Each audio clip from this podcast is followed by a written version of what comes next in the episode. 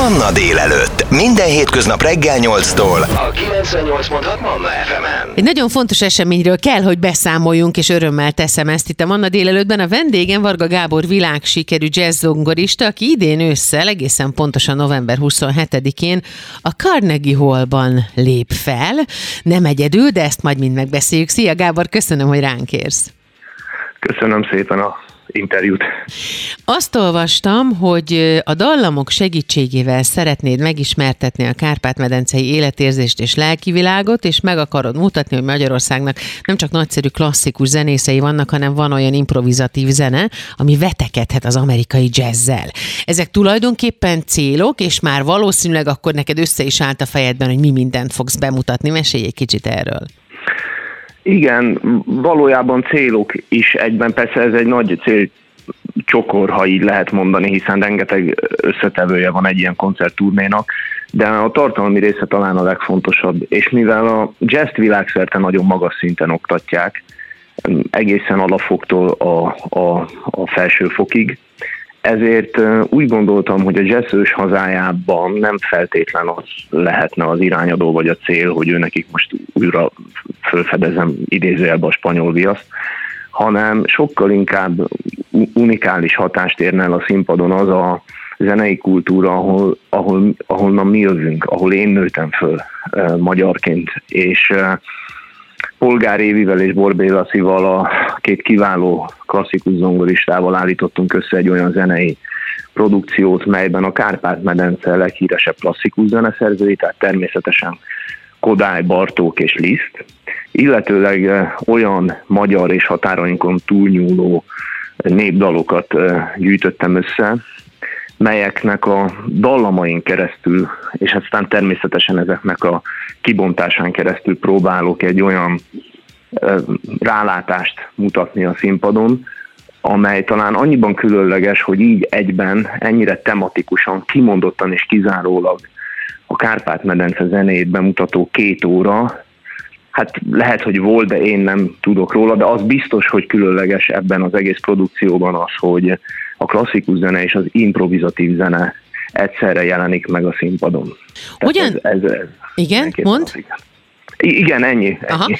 Hogyan lehet fuzionáltatni azt a vérbő, örömében is fakasztó, nagyon mély, bőven szakralitást tartalmazó magyar népzenét mondjuk a cool jazz-szel? Ez sehogy. Sehogy? Ez sehogy. Lehet jazzesíteni, vagy egy picit jazzesíteni? Nem. nem lehet. Nem lehet, Abban vagy nem formában. szabad? Hát lehetni lehet. Aha. Tehát lehetni gyakorlatilag mindent lehet, hiszen a zenébe bármikor bármit bárki csinálhat, de itt ennek a produkciónak a cool jazzhez, mint stílusirányzathoz semmi köze nem lesz. Uh-huh. Tehát a, a, azt mindenképpen szeretném helyre rakni a, a, adott esetben a hallgatók fejében is, hogy attól, hogy valami improvizatív zene, tehát a színpadon a dallamvilágra épülő rögtönzés történik, az egyáltalán nem biztos, hogy jazz. Jazz alapvetően ugye egy ritmikai megkülönböztetés. Természetesen vannak harmóniai sajátosságai is egy klasszikus zenéhez képest, de elsősorban amitől egy zenében nem képzett ember jazz érzetet érez, az, az alapvetően a ritmika. Aha. Na most így van. Na most ezen fölül én a cool jazz azt nyilván zenekarban, tehát a trió zenekarom, a trió felállásban szorgalmazom, és eleve a stílus olyan, hogy jellemzően a zenekari stílus, és nem annyira szólisztikus, és az, hogy én népzenéket improvizálok a színpadon, ez sokkal inkább úgy kell elképzelni, mint hogyha maga a népzenei dallam, az elkezdene egy ilyen sűrű ornamentikába átfolyni, melyen keresztül az emberek fülében a, talán a dallam hatás megmarad, de közben bejárom az egész zongorát, a hangnemeket, és egy, megpróbálok, mint egy virág, amikor kinyílik, és semmi esetre sem az a célom, hogy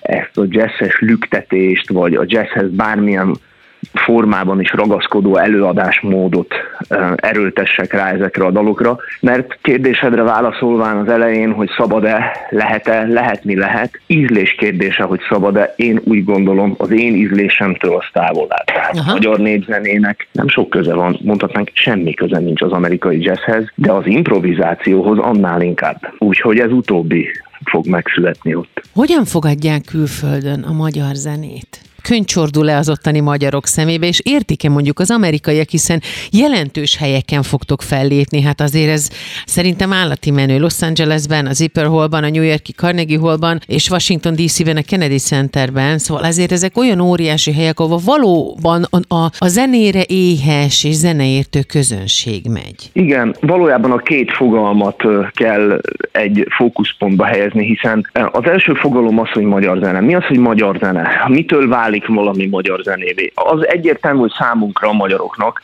azáltal válik valami magyar zenévé, hogy ismerjük, gyermekkorunk óta halljuk és hallgatjuk. Egy külföldi számára, aki nem Magyarországon él, esetleg az óceánon túl van, a magyar zene sokkal inkább a zeneszerzőkkel köthető össze, tehát Bartókkal, Kodályjal, adott esetben Lisztel.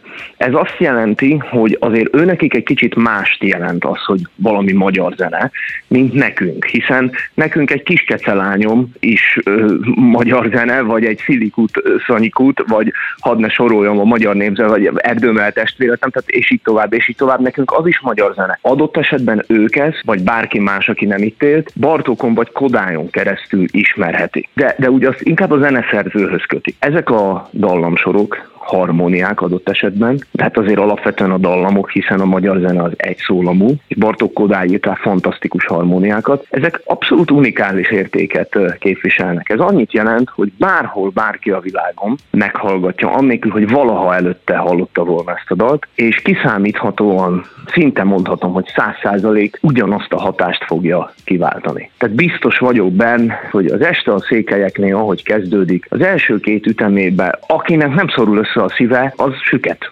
Tehát az nem való koncertre. És teljesen mindegy, hogy tudja hogy kik azok a székelyek, és hogy eleve honnan származik a dal. És ez igaz az összes, összes olyan dalra, melyet ott elő fogunk adni, úgyhogy én nagyon bízok a zene erejében. Varga Gábor jazzzongorista a vendégem itt a Manna délelőttben. Hamarosan folytatjuk. Ez a 98.6 Manna FM. Manna délelőtt. Életöröm zene. Varga Gábor jazzzongorista, világsikerű jazzzongorista, Polgár Évával és Borbé László zongora művészekkel közösen az Egyesült Államok jelentős koncerttermeiben turnézik majd. November 27-én lépnek föl New Yorkban a Carnegie Hallban. Szervusz Gábor, köszönöm, hogy ránk érsz. Köszönöm szépen a meghívást. Beszélgessünk egy kicsit tovább, ugye beszélgetünk már a magyar zene varázsáról és arról is, hogy ezt hogyan fogadják külföldön.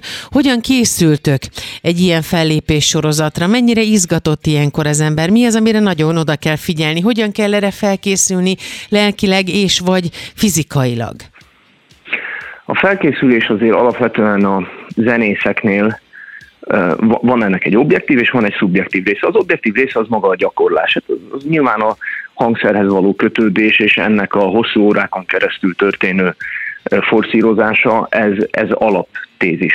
Aztán van egy szubjektív része, hiszen a gyakorláson belül már mindenki máshogy készül.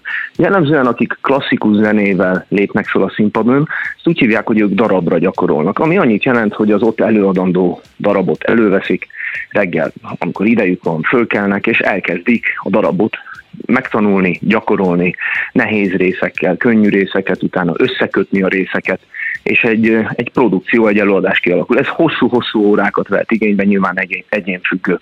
Az én esetemben ez egy picit változik.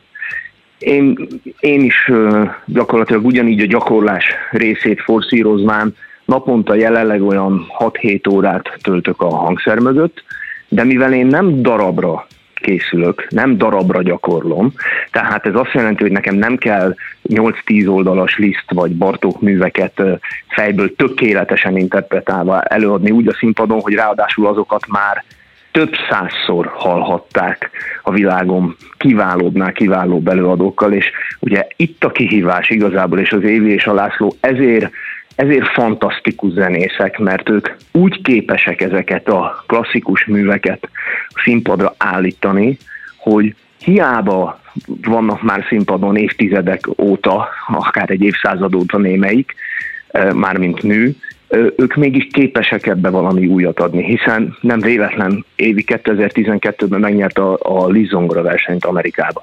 Tehát nem akármilyen előadókról beszélünk.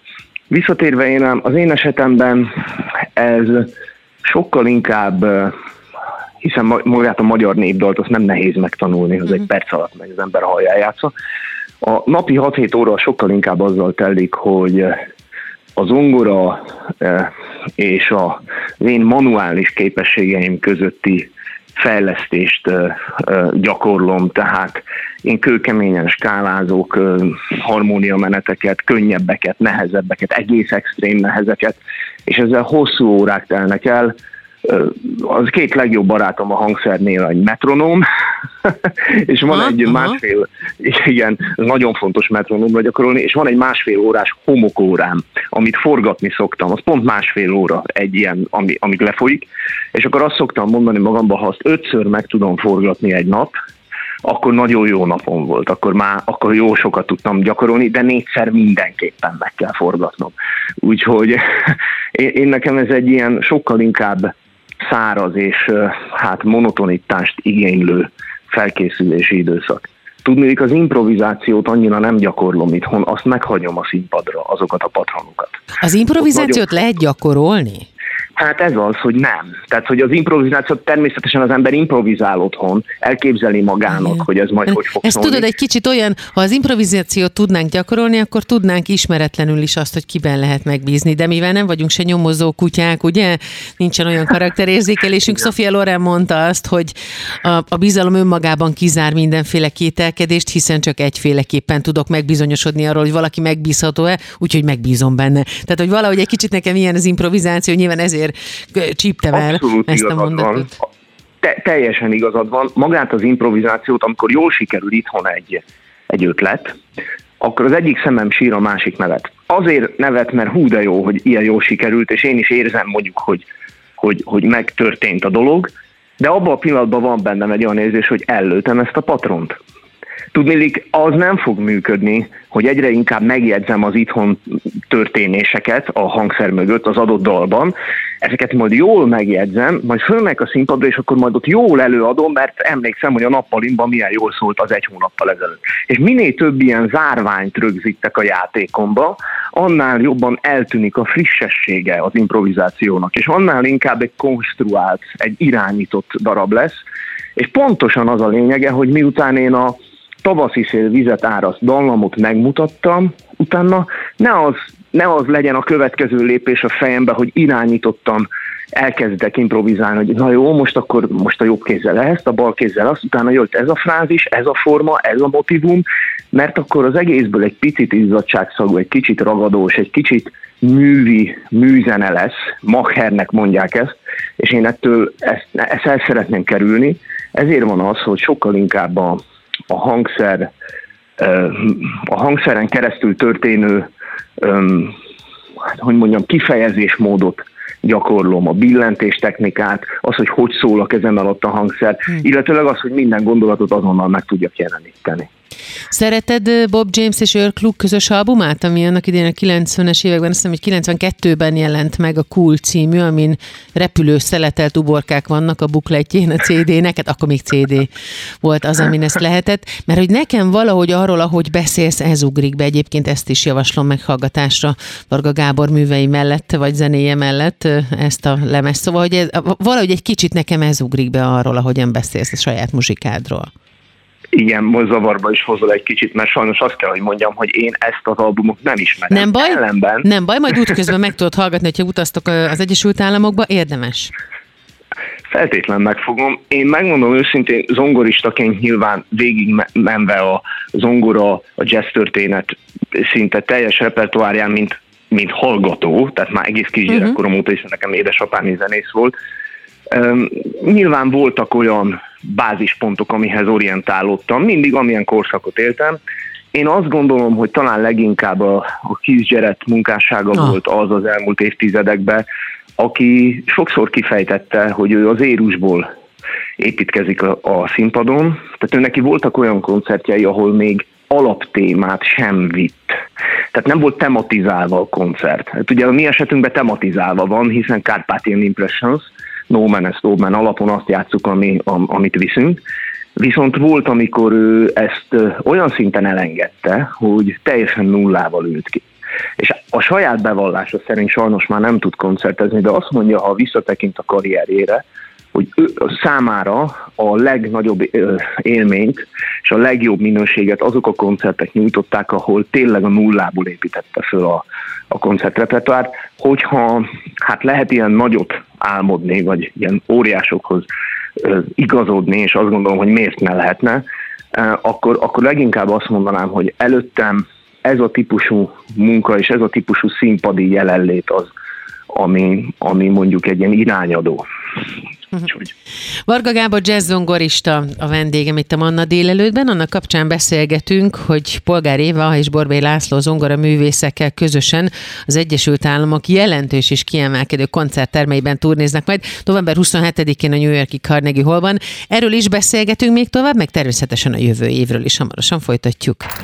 Ez a 98.6 Manna FM. Manna délelőtt. Életöröm zene. Varga Gábor világsikerű jazzzongorista a vendégem a Manna délelőttben, és abban a nagy szerencsében is részünk van, hogy még mielőtt elutazna Polgár Évával és Borbély László zongoraművészekkel közösen az Egyesült Államokba koncertezni, még van lehetőségünk egy csomó mindent megbeszélni előtte, aztán majd remélem, hogy utána is tudunk beszélgetni, hogy milyen élmény volt, de nyilván ti voltatok már külföldön többször is. Hogyan fogadja, és akikor egy kicsit visszatérünk még az elejére, a Kárpát-medencei életérzést az amerikai nép? Nyilván vannak ott sokan magyarok is a közönség soraiban, akiknek még szívfacsaróbb tud lenni, tehát olyan sírva vigadós, vagy szívbe markoló, amikor érzik ezt a fajta bujaságot, amit a, magy- a magyar zene tud adni, de van-e visszacsatolás? Látjátok-e koncert közben az embereket? Tudtok-e utána találkozni velük, és elmondják-e azt, hogy hogyan hatott rájuk a magyar muzsika? Azt gondolom, hogy manapság sokkal inkább jelentőséggel bír az, hogy a művész ne idegenedjen el a közönségétől, és ez fokozottan igaz egyébként a klasszikus zenére.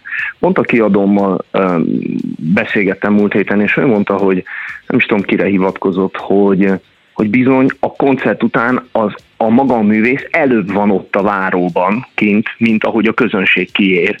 Pontosan azért, hogy ezeket a feedbackeket megkapja, adott esetben nyilván dedikáljon lemez, amit ott lehet lenni, de hogy aki akar, az elérhető legyen, tehát ő elérhető legyen a közönsége számára, és kérdezhessenek. Tehát én ezt alapvetően fontosnak tartom, hiszen nagyon-nagyon sokat változott a világ a digitalizáció óta, és teljesen más direktívák lettek fontosak, mind a mellett, hogy a tartalmi rész az kőbe van vésve. Tehát annak a, a, a minősége és annak a minőségi előadása a színpadon az alap. De az, hogy utána a művész mennyire megközelíthető, az, az viszont nagyon-nagyon sokat változott az elmúlt évtizedekben. Úgyhogy ezt fontosnak tartom. A második kérdéshez, hogy a Kárpát-medencei életérzés nem, nincsenek jó ábrányai. Nyilván, aki innét származik, az ismeri, tudja adott esetben, vagy tudja egy részét. Aki nem, annak nem biztos, hogy sokat mond ez így. Ha be tudja már lőni a térképen, hol van, az fantasztikus, de hát ne legyünk álszentek. Amerika egy kontinensnyi ország, és mi sem nagyon tudnánk belőni, hogy melyik államnak mi a fővárosa, és adott esetben hol van, pedig aztán sok, sokszor nagyobb, mint Magyarország, és sokkal több ember ér bent. Tehát ez nem elvárható a tengeren túl. Én azt gondolom, hogy nekünk a zenén keresztül kell megnyilatkoznunk. És a, a legfontosabb az, hogy olyan zenét hallgassanak, olyan zenét hallhassanak, melyen keresztül egy érzés kumulálódik a hallgatóba, és azt a fejébe kialakul egy kép. Ez persze egy nagyon elvont dolog, hiszen a hangjegyeken keresztül azért, azért ez egy sokkal ö, tágabb spektrum, amiben valakinek valamilyen érzet keletkezik, de én azt, én úgy hiszem, és úgy tapasztaltam, hogy amikor én szólóban improvizáltam népdalt, bárhol, akkor körülbelül ugyanazt a hatást értem el, amit egyébként itthon. Tehát a szép, a szép dallamvezetés, uh-huh. a, a pentatónia, uh-huh. hát eleve a pentatónia, ami egy, ami egy az egész világot körbejáró zenei hangsor, tehát ez nem csak magyar, tehát ez, ez, ez mindenhol van, szinte minden népzene alapja.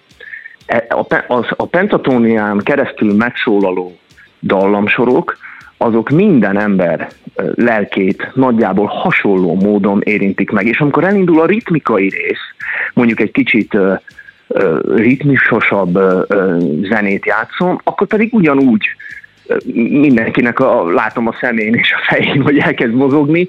Tehát ebből a szempontból a zene azért túlmutat a nemzeteken, túlmutat a nyelven, túlmutat a lokáción. A zene az, az egyetemes mód hat az emberekre. Ez a fantasztikum az, ami eljut most Varga Gábornak, Polgár Évának és Borbély Lászlónak köszönhetően az Egyesült Államokba is. A Los Angeles-i Zipper Hallban, a New Yorki Carnegie Hallban és a Washington DC-ben található Kennedy Centerben fognak játszani ők. Oda viszik el a magyar zenéket, Polgár Éva és Borbély László Bartók, Koda és Liszt műveket szólaltatnak meg, a szünetet követően pedig Varga Gábor improvizál majd a billentyűknél, mint egy 45 percben.